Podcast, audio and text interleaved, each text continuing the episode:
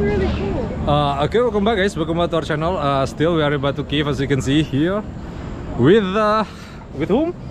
With Karin, hey! Yeah, Karin, uh, you've been to uh, Token 2049 as well, right? Yeah. Exactly, exactly. And from there I came to Kuala Lumpur. Okay, yeah, you've been involved in crypto as well. Yeah, I do work in crypto. I work for, for a SocialFi company called uh, Paysenger. And yeah, we work with NFTs and have our own token. Yeah, absolutely.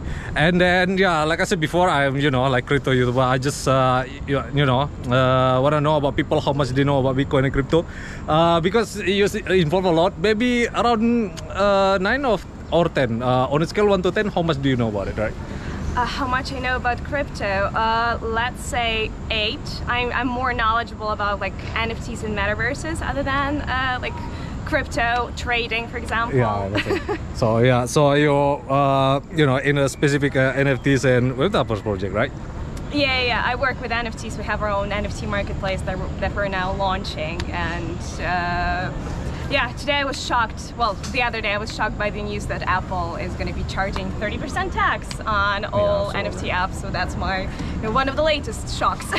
Yeah, absolutely. Yeah, because uh, there is a, a, a, um, new market, a niche market as well, right, for crypto. So that uh, there, there would be like uh, taxable events or something like that. But yeah, that's the part of crypto. So yeah, that's pretty much about it. And then.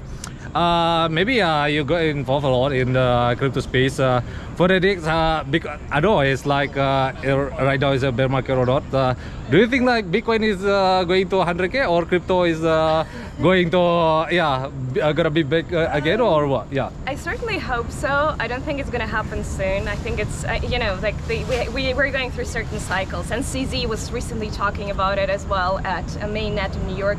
I think it's going to take us a few years, but I do definitely hope that it's going to recover at least a bit. Definitely not to 100. Yeah, I know. But uh, next year, and that's when we as a company are also planning to do our IDO, and Okay. uh, hopefully it will be the right moment.